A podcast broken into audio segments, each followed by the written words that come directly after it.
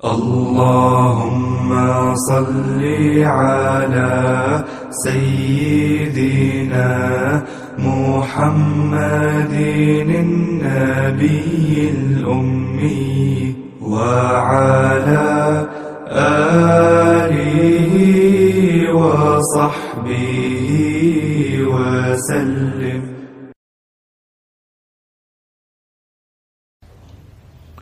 بسم الله الرحمن الرحيم. والحمد لله رب العالمين.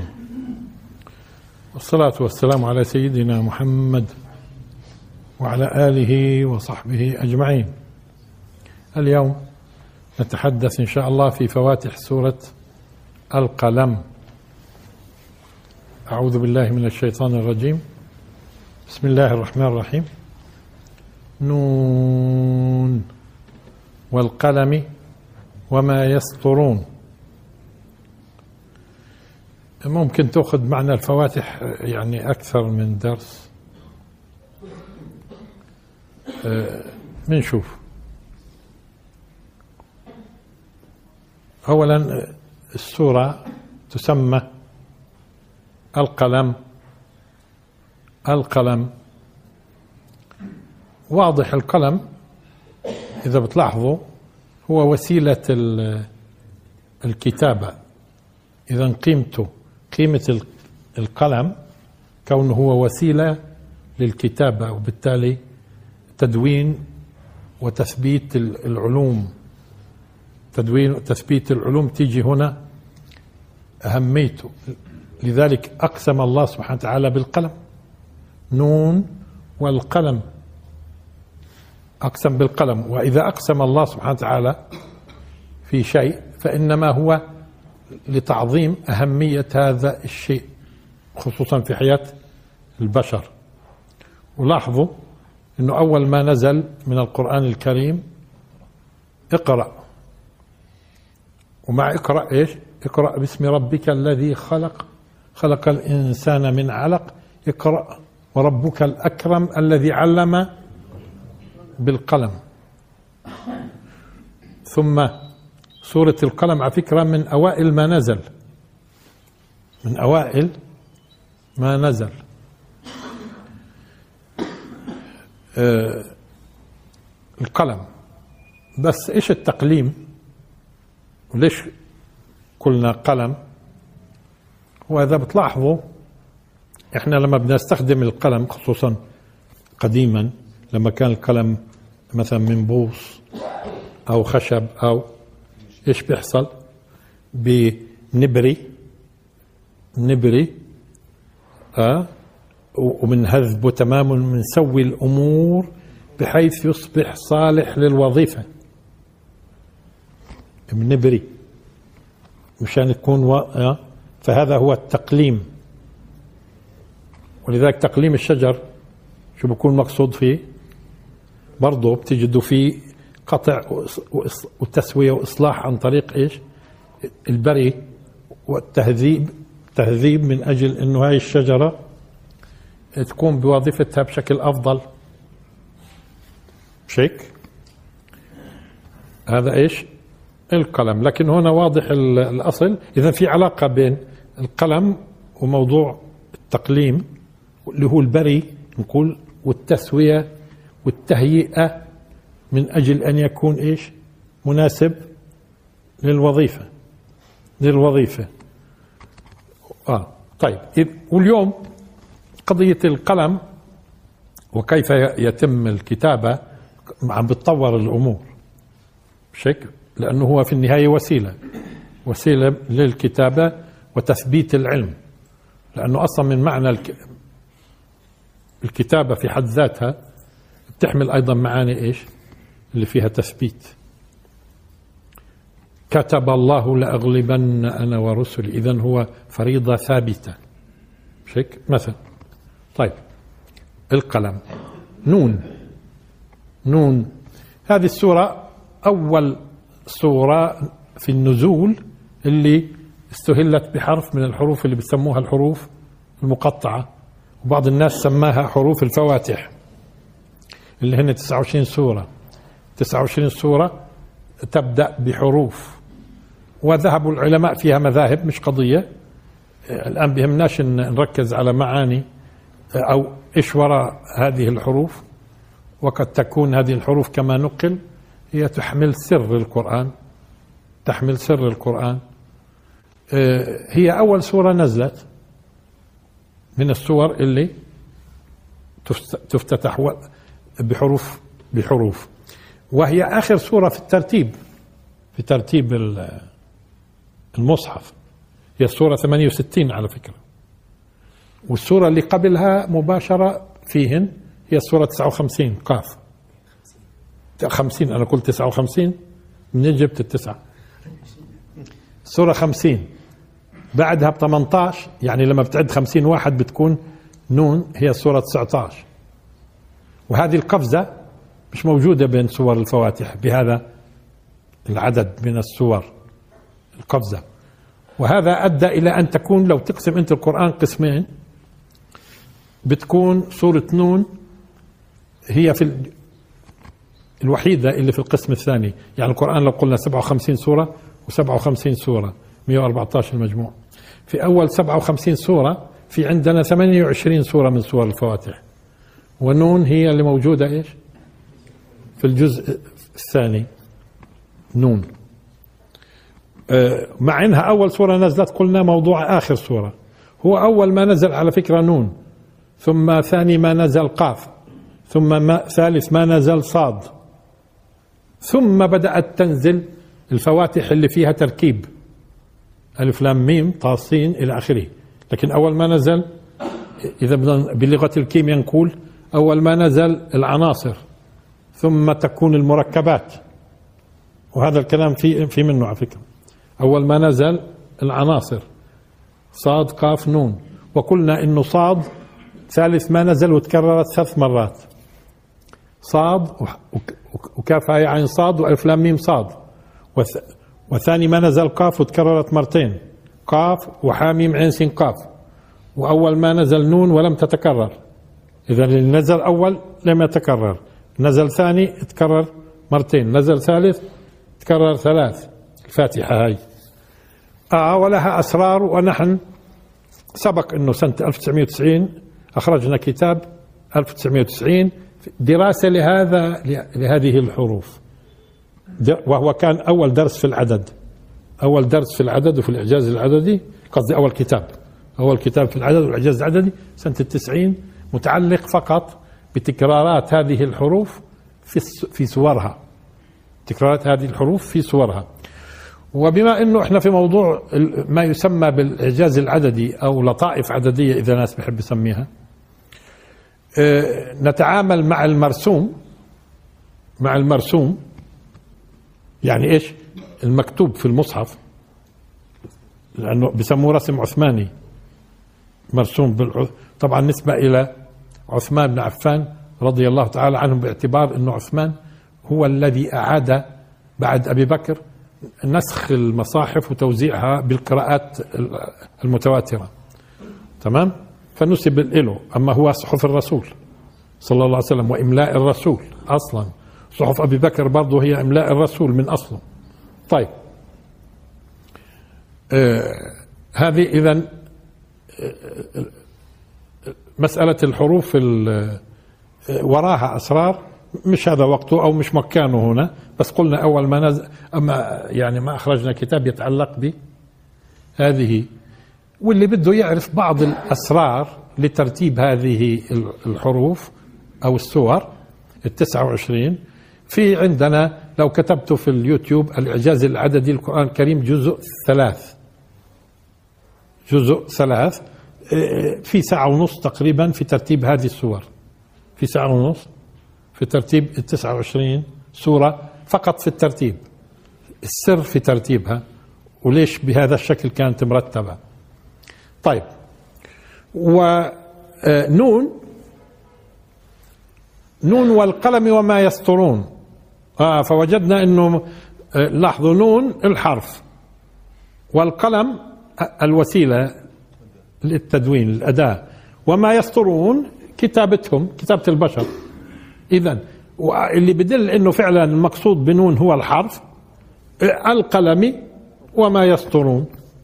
معناته الحرف والكلام لأنه بعض الناس ممكن يقول إنه نون هي الحوت مثلا من معاني نون. و وطبعا بتعرفوا دعاة الخير يستغفر لهم كل شيء حتى نينان البحر. في ورد في الحديث الشريف نينان. نينان. آه ولكن ليش سميت نينان؟ وإيش القصة؟ تمام؟ لا لكن هون هون بالذات. حتى في هذه السورة أيضا ذكر قصة آه، صاحب الحوت. لذلك فاصبر لحكم ربك ولا تكن كصاحب الحوت حتى ما قالش ذنون صاحب الحوت.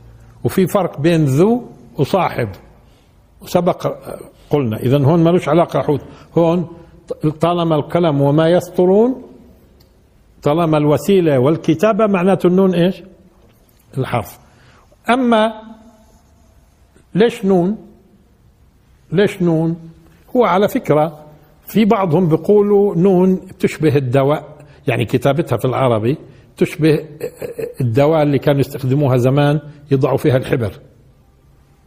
مش هيك؟ مش شكلها بهذا الشكل وهذا على فكرة ممكن يكون آه، هو سر إنه اللي وضع الحروف وهذا قبل الإسلام طبعا اللي وضع الحروف هذه يبدو إنه استوحاها من الأداة فأول ما بدأ بنون وشوي نتكلم ليش بنون بعدين أول ما بدأ بنون أعطاها هذه الصورة ثم بدأ يتصرف في باقي الحروف فبتجدوا انه كل الحروف مأخوذة من صوره النون. بدكم تأخذوا الباء والتاء والثاء مأخوذة من صوره النون. وحتى إذا بدكم تقولوا الحاء والخاء هي أول شيء صوره النون معكوسة بهذه الطريقة بعدين آه حتى إذا بدكم الياء هي صوره النون وبعدين شوي هيك. واللام هي صوره النون وممدودة هيك. آه كل الحروف على فكرة. بتقولوا لي طب الألف واقفة؟ لا زمان كانوا يكتبوها هيك. واقفة مع ميلان والواو برضو النون ومن فوق بنعمل هيك. والفاء والقاف القاف نون وبعدين آه إلى آخره. كل الحروف أخذت من صوره النون. في أصل الكتابة الحروف العربية. طب ليش النون؟ اللغة العربية تصريفاتها مبنية على النون. كن قالوا ألف ألف ونون في المثنى مثلا. واو نون. يا نون منصوب ولا مر؟ نون نون آه، نون الوقاية. آه، لاحظوا. بإثبات النون بحذف النون. شيك تنوين فتح تنوين ضم تنوين كسر. كل, هذا التصريفات في اللغة بتلاحظوا أي حرف؟ آه ولذلك ليش بسموها هي؟ آه، لغة الضاد. ليش ما يسموها لغة النون؟ ليش؟ لأنه هي لغة الضاد صحيح إنها بتتميز عن باقي اللغات إنه فيها الحرف اللي مش موجود في باقي اللغات. طيب لكن لكن التصريفات النون في حرف ثاني على فكرة؟ تجدوا لما ب... آه كان قال لك هذه مجزو مج... حذفت النون لأنها مثلا منصوبة أو مجزومة فرضا. آه اللي هو مش قضية مجزوم اللي هو والف تثنية هاي ولا ألف إيه، إيه، قصدي ألف ونون للتثنية ولا لا؟ اللي هو اللي بتعرفوه تصريفات. فهي اذا هي لغة النون.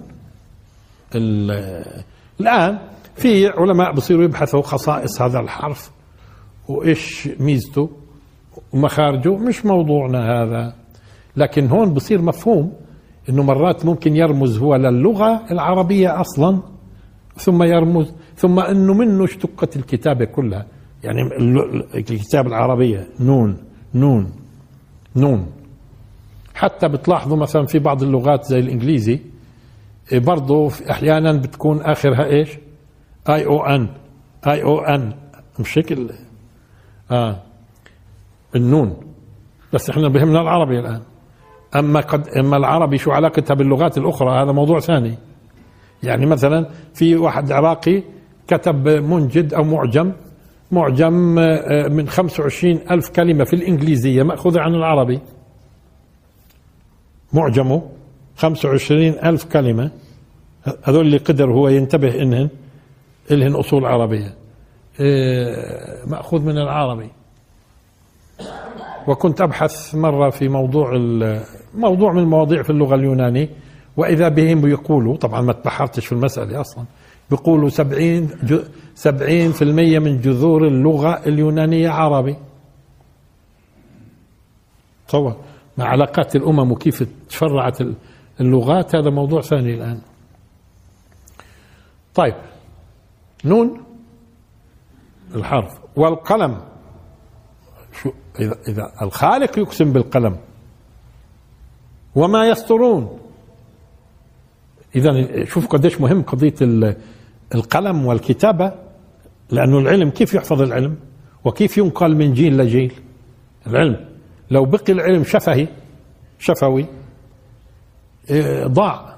لو بقي العلم شفوي ضاع وبتحرف. لكن لاحظوا أنتم الآن عم نقرأ لناس كتبوا قبل ألف سنة وألفين. وأكثر نقرأ لحد اليوم. شو راح يقرأوا الأجيال بعدنا برضو؟ إحنا خصوصا صار عندنا الكتاب اليوم بأساليب مختلفة. تمام؟ وإثباتها. إثبات العلم وت... كيف بدنا أصلا الكتابة. ويبدو إنه حتى الكتابة والقراءة بالذات هي اللي بتنفي عن الإنسان صفة الأمية. مهما أخذ معرفة من غير هذه الطريق بظل خداج. أي واحد بأخذ المعرفة شو ما يأخذها؟ بدون كتابة وق- وقراءة انسوا. انسوا. ولذلك هو الأمية معناته ما بيقرأ ولا بكتب. طب ما بيأخذ المعرفة ليش بتسموه أمي؟ ما هو باخذ المعرفة اليوم من وسائل كثيرة. لا حتى شو ما يأخذ يا في سر. وحتى أثر هذا في الجهاز العصبي على فكرة أثر مدروس عند العلماء. كتابة وقراءة. له أثر على الجهاز العصبي وصحة الإنسان. تمام؟ بس إحنا اليوم بدناش نخوض في هاي القضية. إحنا سبق قلنا نخوض مش هذا محلها هيك الكلام هذا مش دقيق لأنه الخوض بيكون على عمية كيف لما بتخوض أنت مي بتنزل رجلك من دون ما تنظر؟ هذا بسموه خوض مش قضية.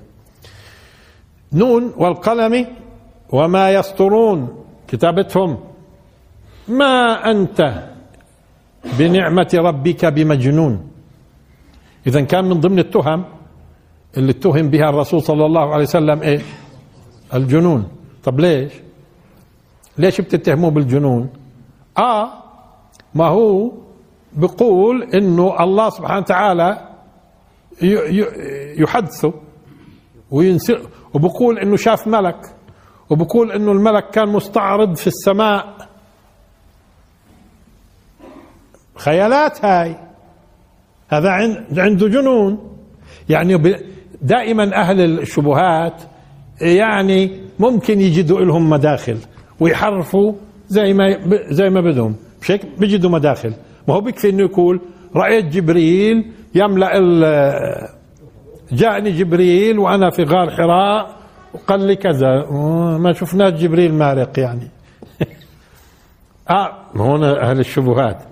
هو بيقول إنه الله يحدثه. طب ما هم قالوا طبعا ساحر. قالوا شاعر ما هم كانوا محتارين. شو يقولوا؟ كيف يلفوا لها؟ ومنها مجنون يعني ما تستغربوش إنه قالوا مجنون. لأنه يعني في بعض المض... ما ينطق به مش معتاد. مش معتاد ويتهيأ له. تصوروا في إيش أقسم؟ سبحانه وتعالى نون والقلم وما يسطرون. ما أنت؟ بنعمة ربك. إيش نعمة ربه؟ الوحي. بمجنون. ها أنت ملاحظين؟ طبعا الباء هنا سواء قلنا سببية يعني بسبب. نعمة ربك مجنون. مش معقول تكون أصلا مش معقول. تكون بسبب النعمة اللي أنعمها الله عليك تكون مجنون. مش هيك؟ أو مرات الباء فيها مصاحبة ملابسة. يعني طالما لا لابسته النعمة وغشيته ما ممكن يكون مجنون. وانتبهوا الآن بعد شوية خلينا نقفز مشان نشوف. لحظة. ما أنت بنعمة ربك بمجنون؟ وإن لك لأجرا غير ممنون وإنك لعلى خلق عظيم. لاحظوا وإنك لعلى خلق عظيم. انتهى على فكرة تم بهذا الشكل. القضاء على تهمة إيش؟ الجنون. ليش؟ لأنه لا يمكن أن تجد مجنون له أخلاق. لأنه الجنون شو هو؟ الجنون يعني الضوابط كلها والبريكات سايبة. فلما تكون سايبة شو بخطر ببال المجنون؟ بقول. لكن أنت لما تكون عاقل ولديك ضوابط بخطر مرات في بالك بتقول لا لا يليق لا يليق أقول هالكلام. والله لولا الحياة لولا الحياة كان شو؟ ها؟ كان شو؟ آه. فخلص هذه انتبهوا هذه مصادرة على التهمة. انتهى الموضوع. على فكرة لما تفكر فيها ما أنت بنعمة ربك بمجنون وإن لك لأجرا غير ممنون وإنك لعلى خلق عظيم. لأنه شايفينه هم وشايفين أخلاقه وانضباطه وتفاصيل. كيف؟ فسروا الآن. كيف هذا بيكون مجنون؟ والمجنون بركاته مالها ضوابطه مالها البراغي. شو؟ خلصنا. انتبهتوا ليش أجت هاي؟ وإنك لعلى لعلى خلق عظيم.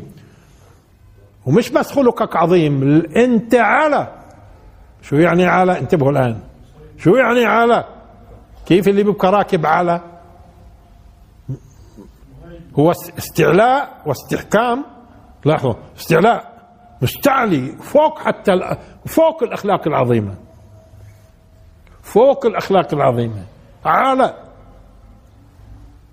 تصوروا تحته تحته تحته الخلق العظيم. ووصف عظيم مش خلق حسن بس عظيم. شو بعد هيك؟ لما يكون خلق عظيم طبعا ما هو قدوة الرسول صلى الله عليه وسلم.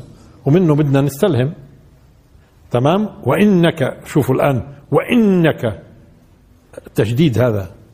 لا. هي كمان تأكيد. تأكيد بإن. وإنك.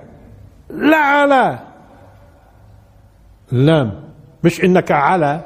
لعلى تعلو. الخلق العظيم. وتسيطر خلصنا. إذا بدنا نناقش الجنون.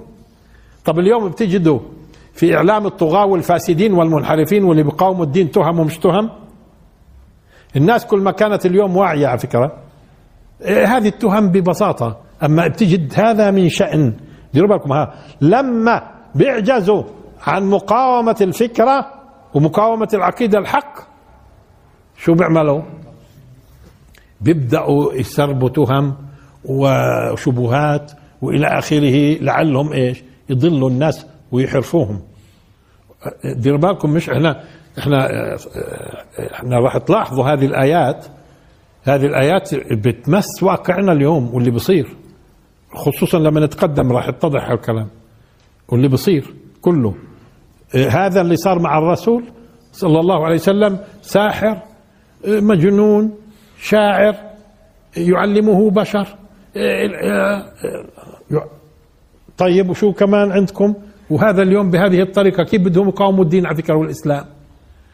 آه بقاوموه عن طريق تشويه الصورة في أذهان البشر؟ حتى البشر ما يتقبلوش. ولذلك البشر الفهمانين لما مرات بتعرفوا على الدين بقول لك إيش؟ وين كانوا هذول قايلين عن الدين؟ وهذا هو الدين الحق. وياما عم بتشوفوا كل يوم الثاني اللي بيسلموا هذول وبتسألهم شو كيف أسلمت أنت؟ ما كانش بيعرف ما كانش كانوا كانوا بيحاولوا بيحاولوا يضللوا والتضليل هذا على فكرة خصوصا في عالم الغرب هذا له قرون. بس الآن له قرون وفي كتابات قديمة في وصف الإسلام ووصف الرسول بطرق مشان شعوبهم الأوروبية. آه، تظل بعيده عن الإسلام لحمايتها. آه، كتب موجودة لحد الآن ونقراها شو كانوا يقولوا قبل 200 و300 و400 سنة عن الرسول. صلى الله عليه وسلم. واليوم نفس الأساليب ماشية. بس إذا بتلاحظوا عم بنهزموا. هالكت ما هو فيما بعد. هالكت الآيات بتيجي معنا. بنشوف. في النهايه في النهاية معروف. بيحاولوا. ولكن اليوم صاروا أخطر. ليش؟ لأنهم بيستخدموا علم النفس وبيستخدموا علم الاجتماع وعلوم شتى وفي وسائل إعلام. اليوم وسائل الاعلام بتطال الملايين. وانت في المقابل على فكرة ممكن تستخدم هذه الوسائل برضه وتخاطب الملايين. برضه صار في مجال عندنا. يعني يمكن كل كل إنسان فينا اليوم يكون داعية ها يسمعوه الملايين والأنبياء القدماء. ممكن النبي ما يسمعوهوش إلا كان آلاف. يعني يونس عليه السلام أرسلناه إلى مئة ألف أو يزيدون. اليوم بتجدوا بعض الدعاء ممكن بتجد خلال يومين ثلاثة ولا هم مستمعين له أكثر من مئة ألف أو يزيدون. انتبهتوا كيف؟ فصار في مجال اليوم واسع مثل ما إنه في مجال التضليل وسوق تباع فيه البضاعة الثمينة والباخسة كل كل الناس بتبيع. ولكل ساقطة لاقطة. إلا تجدوا يعني كل واحد تجد ناس يعجبهم هذا ويعجبهم هذا. بس المهم في النهاية لا عامة الناس لما يبلغها الحق موقفها بيختلف نون والقلم يوم يسطرون ما أنت بنعمة ربك بمجنون. معقول تكون النعمة الله هي سبب الجنون؟ ما مستحيل. ولما أدركتك نعمة الله كيف بدك تكون مجنون؟ ما أدركتك النعمة. ما أنت بنعمة ربك. طبعا عليك يا محمد صلى الله عليه وسلم وطبعا الوحي نعمة على الرسول أولا ثم على البشرية. ما أنت بنعمة ربك بمجنون وإن لك لأجرا غير ممنون. غير ممنون. أجرك يا محمد صلى الله عليه وسلم غير منقطع. هو مستمر غير منقطع. مش بس دنيويا واخرويا. ما هو اخرويا خلاص برضه إلى ما لا نهاية. تمام؟ بس في الدنيا أنتم ملاحظين إنه انقطع ولا ما انقطعش الأجر؟ كل من هو في الأرض من مليارات البشر التي تؤمن آه، يسجل الثواب للرسول. من مش هيك؟ صلى الله عليه وسلم. مستمر ليوم القيامة. شوفوا. وإن لك لأجرا غير منقطع لأنه من ضمن معنى ممنون على وزن برضه موزون ممنون غير منقطع. لأنه المن والمنة هو سبق على فكرة تعرضنا لهذه بالتفصيل بس بدي أخذ الآن أذكركم ببعض المعاني. هو المنة المنة هي النعمة والنعمة إيش؟ ثقيلة أي واحد المنة. نعمة ثقيلة يعني مش نعمة بسيطة. اثنين إن المنة نعمة مفصلة. مقطوعة خصيصا. مفصلة. محددة المعالم المنة. برضو. منة. آه والمن فيه تقدير. ثم لحظة فيه تقدير. هي نعمة إذا مقدرة ومفصلة ومعينة ومخصوصة. المنة. وثقيلة. هذه اسمها؟ منة لكن في المقابل اللي بمن عليك يمنون عليك أن أسلموا قل لا تمنوا علي إسلامكم بل الله يمن عليكم أن هداكم للإيمان إن كنتم صادقين إيه اللي بمن هو بظل يذكرك بالنعمة اللي أنعمها عليك وغالبا بتكون معروفة. آه هذا اللي بظل يذكر فيك بالنعمة اللي أنعم عليك المنان هذا. النعمة اللي هو خصصك فيها هو اللي عينها إلك.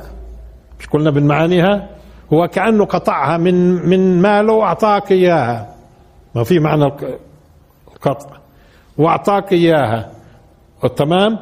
آه هون طبعا آه، في نهي في نهي عن إبطال الصدقات بإيش؟ بالمن والأذى. هذا لا يليق فيك. إذا من عليك الخالق إذا من عليك الخالق الخالق طب والبشر منه ليش؟ وإذا كان الخالق متكبر فهمنا؟ طب ما هو أصلا هو يكبر. بس أنت إيش يا بشر؟ وبالتالي المن هذا صفة سلبية في في الإنسان. صفة سلبية في الإنسان. ولذلك إذا احتملت وإن آه، وإن لك لأجرا غير ممنون تحتمل إنه فيش في منا لأنه لأنه حتى لما الخالق يمن عليك أنت مبسوط. أنت مبسوط إنه الخالق. تمام؟ ولكن حتى الأجر إذا بتلاحظوا حتى الأجر ال- الدنيوي والأخروي اللي بيجيكم أنتم واللي ممكن يرعاكم الله بدون بدون ما يمن عليكم. بدون ما من هو بي في القرآن ذكركم يذكركم بالنعم مشان تعرفوا المنعم. بذكركم مشان تعرفوا المنعم. ولما بقول لهم يمنون عليك أن أسلموا قل لا تمنوا علي إسلامكم. بل الله إذا كانوا إذا كان بده يكون في من أنو اللي بمن؟ بل الله يمن عليكم أن هداكم. ما هي نعمة الهداية نعمة. مش هيك مثل الوحي ما كان نعمة. اذا اذا تحتمل معنيين. أجر غير منقطع وأجر ليس فيه منا لأحد.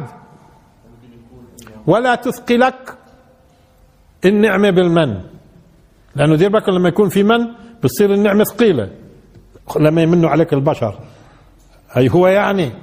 طب ما هو فهمنا انت ما نحن انت فهمنا اعطيتنا قبل عشر سنين وبعدك مش ناسي مثلا هذا بمن. ها فهو وإن لك لاجرا غير ممنون. مم.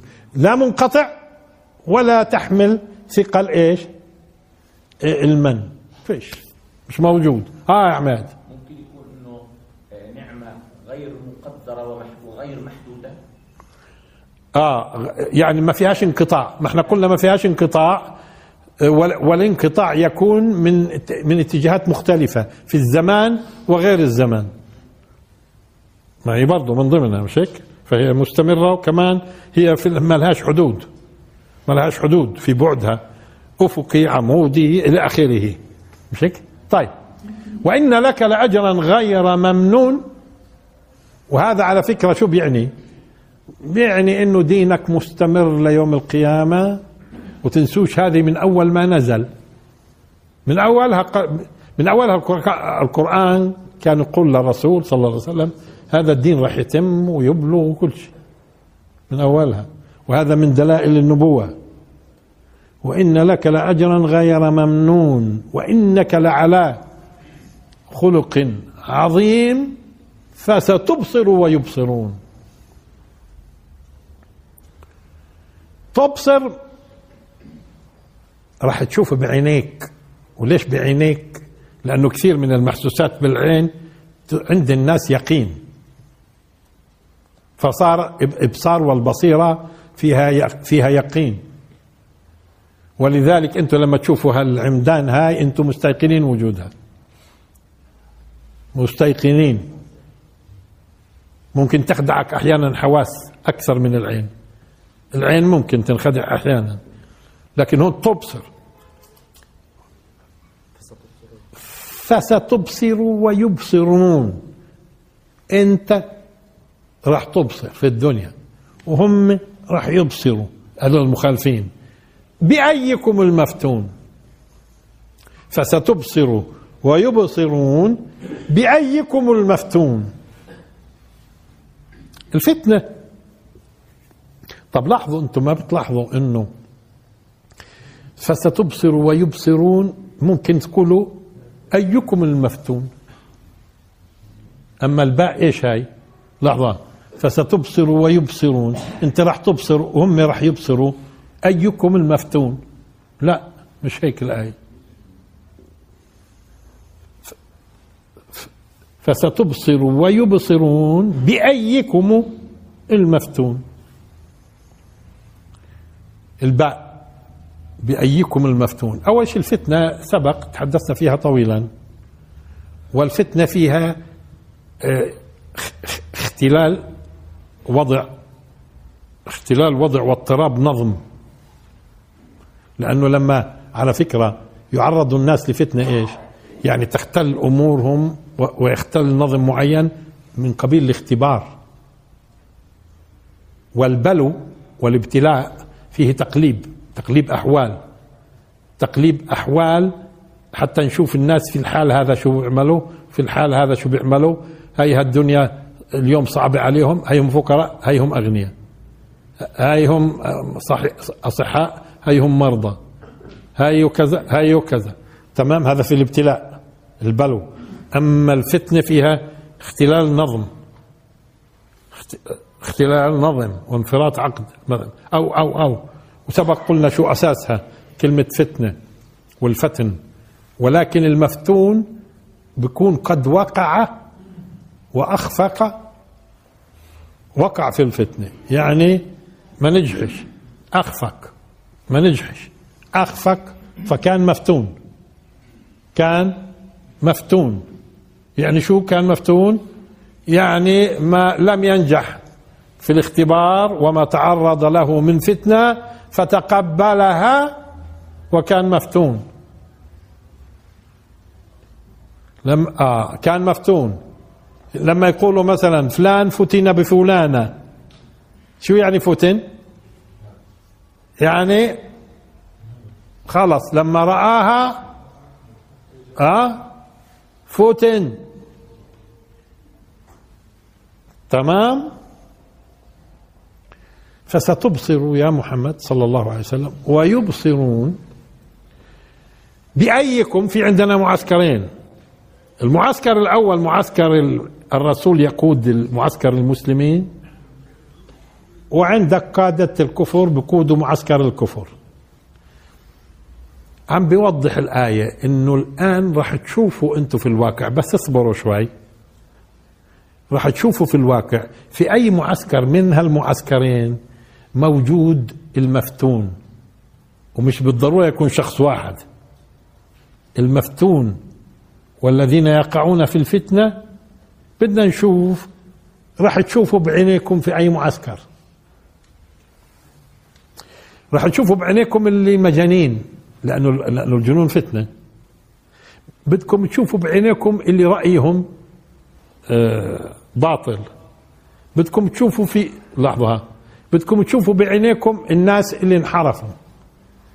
بدكم تشوفوا اللي ما صبروش على الفتن. بدكم تشوفوا بتشوفوا في عندك معسكرين عشان هيك استخدمت بأيكم. شو يعني بأيكم؟ في معسكركم يا محمد صلى الله عليه وسلم ولا في معسكرهم؟ انتبهتوا الباء؟ مش أيكم المفتون؟ مش الكلام عن واحد مفتون هون أو واحد. هذا المفتون ولا مش هذا؟ لا في عندنا معسكرين.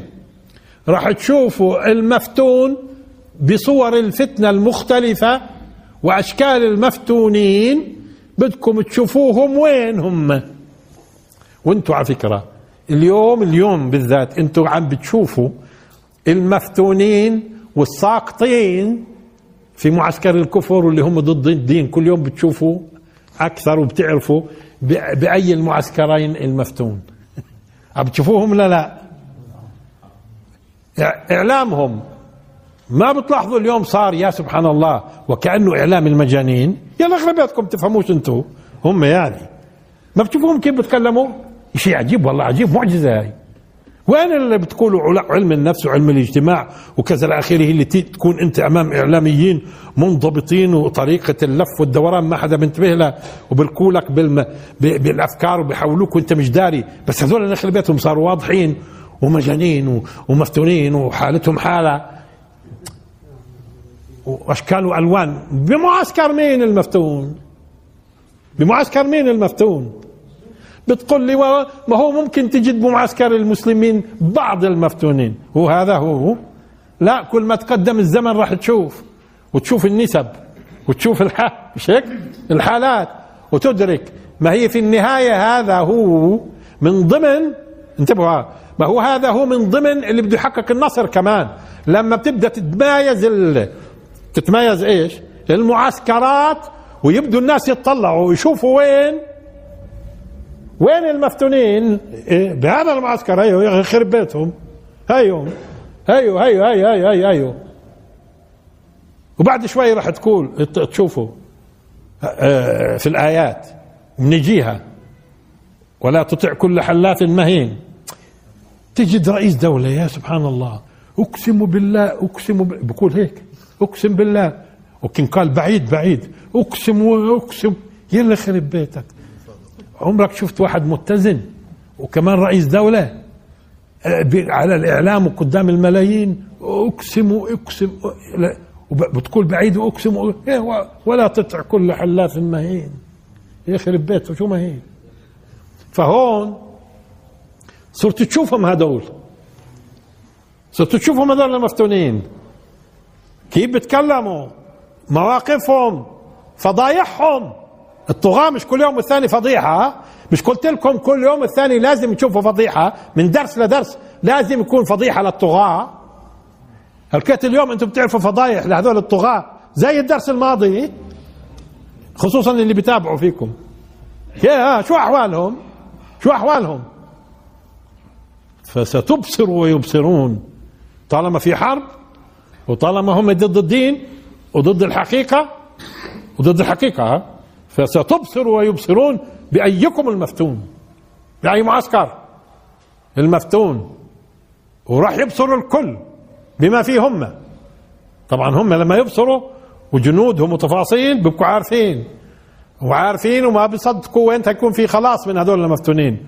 حتى لو شفتوا المنافقين مع الواقفين بس هذول المنافقين أول من يذم وأول من يغتاب وأول من يتمنى إنه يشلحهم.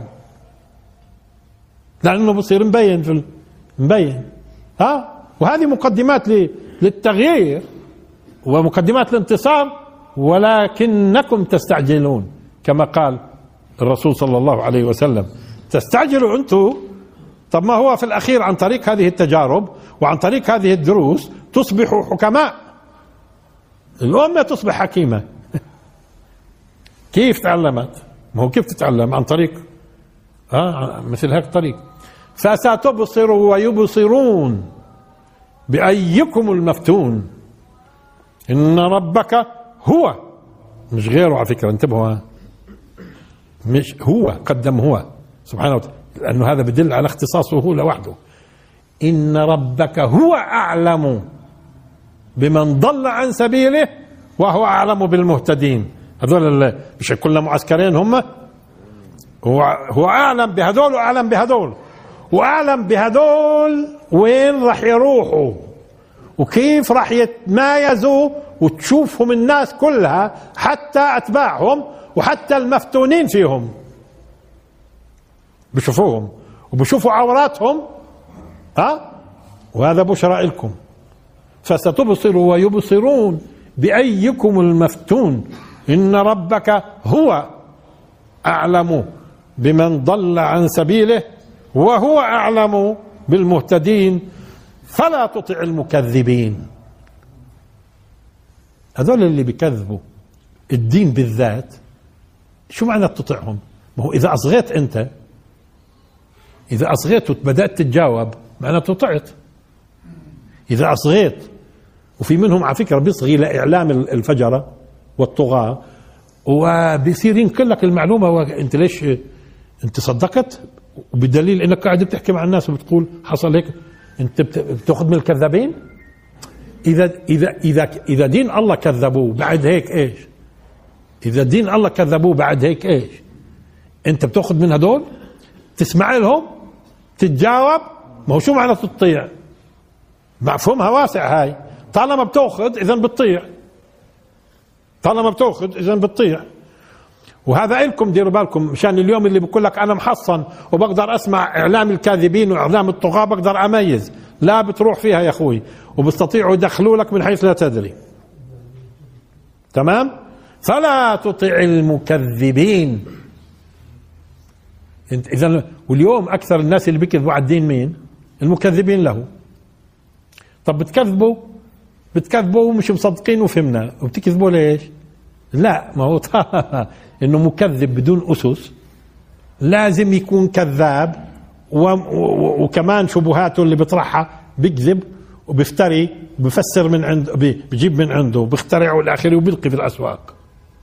فلا تطع المكذبين. إياك. ودوا. الآن بيكشف حقيقة عندهم على فكرة. هذه حقيقة مش بس اللي عند كان زمان الرسول وحقيقة اليوم بيكشف لكم عن واقع الطغاة هذول ومجتمع الكفر ومعسكر الفسوق ومعسكر الطغيان ومعسكر البلهاء. ما- اللي بعده مش شايف شو هو هذا. ومعسكر من أضله الله على علم. كشف لنا حقيقة عندهم. عارفين شيء الحقيقة؟ ودوا لو تدهن فيدهنون.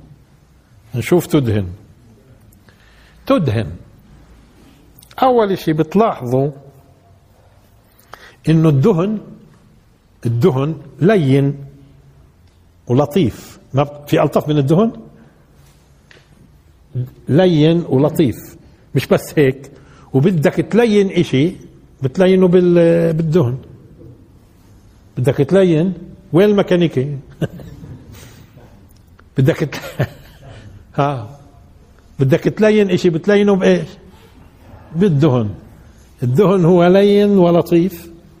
ولما بدنا بدنا نلين وبدنا نلون. من من بإيش؟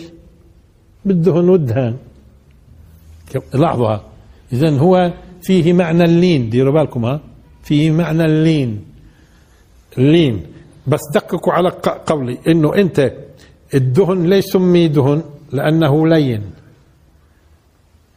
فبدك تلين وبدك تلون. شو بتستخدم؟ الدهن. تلين. وهكذا بنشوف ليش بنقول هيك. بدك تلين وبدك تلون. بإيش؟ بالدهن. فلا تطع المكذبين. طب بده يكشف لنا الآن عن حقيقة المعسكر الآخر وهذا موجود الآن بده يكون على فكرة. ودوا. شو الإشي اللي بيحبوه هم وأكثر من حب كمان. ودوا. لو تلين تلين معهم. ألين معهم. ليش؟ أنا مش لين في التعامل معكم. ليش؟ ومش بكلمكم بأدب ومش كمان ولا تجادلوا أهل الكتاب إلا بالتي هي أحسن في أحسن من هيك لين؟ وفي أحسن من هيك لطافة؟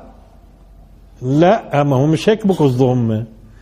إحنا بدنا تلين عقيدتك وتلين شريعتك وتلون وتتلون. معنى. لين. ألين في إيش؟ في الكلام؟ الله قال لموسى وهارون فقولا له قولا لينا. إذا على القول اللين منقول التعامل اللطيف نتعامل لا ينهاكم الله عن الذين لم يقاتلوكم في الدين ولم يخرجوكم من دياركم أن تبروهم وتقسطوا إليهم. تبروهم. شو بدكم ألطف من هيك؟ لا لا لا لا. هذه العقيدة تبعتك العقيدة إيمانك شريعتك. شو مالها؟ يعني لين. لين. لون. تلون. انت تلون. آه. ولا شو معنات المداهنة؟ شو معنات المداهنة؟ بصير ملاينة وتلون زي زي ما بدهم. مصانعة يعني. مصانعة منافقة ودوا آه وبالتالي كل المعسكرات هاي اللي بتقاومكم على فكرة من داخلهم بيحبوا لو انكم تلينوا. وتبدوا إيش؟ تق... ولذلك هم على فكرة في الغرب مثلا بروحوا بيختاروا المنافقين اللي مستعدين يبيعوا دينهم. وبيجيبوهم وبيخلوهم يخطبوا في وبكوا عارفين إنهم منافقين وبكوا عارفين إنهم بكذبوا ومتلونين وإلى آخره بدهم يستخدموهم ضد الإسلام. كم بقول لك؟ الإسلام ومن قال إنه الاسم آه شوف ها بيعملوا لهم في محافل وكذا وبيجيبوهم و... آه وهذول اللي بيفهموا هذول الناس هذول العلماء الحقيقيين هذول المعاصرين اللي مستوعبين الزمن اللي قاعدين بقى اوف أوف أوف أوف, أوف, أوف بيعملوا لهم في الإعلام آه في الإعلام. وبقدموا جواسيسهم هون عندنا الغربيين. برضه بينتقوا في الإعلام مين؟ المداهنين. شو يعني المداهنين؟ اللي بيلين في إيديهم. ومستعد يصانع ويتلون. تمام؟ آه ويهادن في موضوع العقيدة. طيب شو بضرك أنت؟ أعطيك عك... ب- بلطافة بعطيك عقيدتك زي ما الله قال وشريعتي زي ما الله قال. شو بدك مني أنت؟ شو بدك مني أكثر من هيك؟ بدك ملاطفة بالكلام؟ ملاطفة بالكلام. ملاطفة في التعامل؟ ولا في أحسن منه. لا. لذلك هم من داخلهم يحبون أن تكون إيه، إيش؟ مداهن. ودوا بيحبوا هالكلام. لو تدهنوا طب ليه؟ على فكرة للي بيعرفوا عربي. قصدي يعني متخصصين. ما أنتوا كلكم تعرفوا عربي. متخصصين قصدي. إيه ليش ما قال ودوا لو تدهنوا فيدهنوا؟ لأنه بحذف النون. لأنه لو ودوا لو تدهنوا فيدهنوا. يعني أنت بتدهن فهم بيدهنوا. آه، بيدهنوا بيدهنوا. برضه هم دباك بتعملوا. طب كان لازم تكون هاي إيش؟ هيك تبدو. لازم تكون بحذف النون. ودوا هاي هاي النون أجت معنا بحذف النون. ودوا لو تدهنوا فيدهنوا. لا مش هيك القضية. إنما ليش أثبتت النون؟ في عندنا أستاذ عربي هون؟ هو كان لازم كان بيكون دائما هون. طيب. إذا ما ما ما حذفش النون. آه إنما بده يقول بهذا الشكل. ودوا! لو تدهنوا فهم فهم مدهنون. هم من اصله مدهنين. هم هذا منهجهم. مش من مش رح مش بنبني على إدهانك. لا هم أصلا مدهنين. هم هيك أصلا. هذا واقعهم. واقعهم. ما بتلاحظوا مداهنين؟ كلهم مداهنين اللي يخرب بيتهم. كله بيلعب على كله. آه؟ كله ببيع وبيشتري في العقائد. كله ببيع وبيشتري في الأخلاق. كله بي... ولذلك ما قالش إذا مش والله أنت إدهن فهم بيدهنوا لا. هم ودوا لو تكون زيهم. هيك المقصود. ودوا لو تكون زيهم. ودوا لو تدهنوا فهم فهم يدهنون. هم أصلا هذا طريقهم. أصلا هذا واقعهم. هذا هذا أصلا سلوكهم. فهم ودوا تكون منهم. عشان هيك ما حذفش النون. اذا اذا إدهانهم مش نتيجة إدهانك. حتى حتى يحذف النون. زي ما تقول هيك. تدهن امندهن لا مش هيك القضية. بتدهن امندهن بتلين من لين. بتلين في المبادئ من لين في المبادئ. لا هم ودوا لو تلين أنت في مبادئك ما هم أصلا هم. ما هم أصلا. لينين في مبادئهم وقيمهم واصلا بيستخدموها في المصالح. وم- وقافزين على المبادئ والقيم ده- يعني بتشوفوهم بيرفعوا شعارات بس هذا كلام. وقت اللزوم فهم بدهم بدهم مثلك. فكشف حقيقتين اذا حقيقة رغبتهم الشديدة في إنك أنت ت- تلاين في مبدأك وع- وعقيدتك فتداهن تصانعهم آه وثم بين لك إنه هم أصلا واقعهم على ضوء عقائدهم الفاسدة وهم أشكال وألوان وعق- أشكال وألوان وعقائد الفاسده هم أصلا واقعهم واقع الإدهان وبالتالي هم ودوا أن تكون واحد منهم. ستكونون. سواء. أيوه. ودوا لو تكفرون كما كفروا. ها فتكونون سواء. تصيروا تمام زي بعض. بيحبوكم وقتها. بيحبوكم. ولذلك هم بيحبوا مين اليوم؟ تعالوا للغرب اليوم. بيحب مين؟ وليش بتلاقي حربه بس على الإسلام؟ وبيستعد يدعم حتى اللي كانوا في يوم من الأيام يبدو في معسكر الشيوعية مثلا كانوا في يوم من الأيام ضد الرأسمالية هكذا بدعموهم وأصلا بيستخدموهم في كل بلد صاروا بعد ما انهار صنم الاتحاد السوفيتي مستخدمهم كل بلد ومستعدين يتفاهموا مع بعض لأنهم مداهنين كلهم وبيحبوا بعض بهذا الأسلوب لكن أنت الوحيد اللي شايفينك بدك. ليش بدك تتنازل انت؟ كيف بدك تتنازل؟ وهذا مبدأ. الله سبحانه وتعالى منزله ومن أجل إنقاذ البشرية، أصلا ما بتنقذ البشرية إلا بموقفك أنت المبدئي. وبالتالي راح تنتصر أنت. أنت راح. ولذلك إيه، شو اللي حصل مع الرسول؟ هذه من أول الآيات اللي نزلت. هذه من أول الآيات. شو حصل مع الرسول؟ انتصر ولا لا؟ أنقذ البشرية ولا لا؟ لقد كدت تركن إليهم شيئا قليلا. تصوروا. شيء قليل لهم كانوا مخادعين هم. فمرات طريقة مخادعتهم ممكن تجعلك تنزلك شوية هيك وأنت مش داري. شو قال الرسول صلى الله عليه وسلم؟ لقد كدت تركن إليهم شيئا قليلا. إذا لأذقناك ضعف الحياة وضعف الممات. تمام؟ ليش؟ الله سبحانه وتعالى منزل الدواء لمعالجة البشرية والارتقاء فيها والارتقاء فيها. وإنقاذها. الشريعة التي توافق الفطرة والبشر يتفاعلوا معها ولإنقاذهم تيجي أنت تقعد تداهن في في المبادئ هاي والقيم. داهن ليش؟ بدك تتك... بدك تتصرف اخلاقيا ما هو مطلوب أصلا شرعا تكون أخلاقي في التعامل وتقف عند المبادئ بس. أنت تحرف وتلاين وتلون زيهم يعني. ودوا. لو تدهنوا فيدهنون. ولا تطع. نجيها بعدين هاي. اذا في الأول فلا تطع المكذبين. طالما هم مكذبين للدين اليوم بدك توزنهم. شوف شو موقفهم من الدين؟ مكذبين. طيب إذا مكذبين من الدين هذول شو بدهم يستحوا من إيش؟ إذا مكذبين باليوم الآخر هذول إيه؟ شو بده يمنعهم يعني؟ شو اللي بده شو اللي بده يجعلهم مش متلونين؟ كيف يعني بدي أخذ وأعطي؟ يعني أسمع واطيع شو يعني اطيع أتجاوب. يعني بدون فحص بدون تحقق بدون بدون. الباء هاي بتلزمش دون. طيب اذا إن شاء الله نكمل في المرة القادمة. وآخر دعوانا الحمد لله رب العالمين. وبارك الله فيكم. أحسن الله إليكم.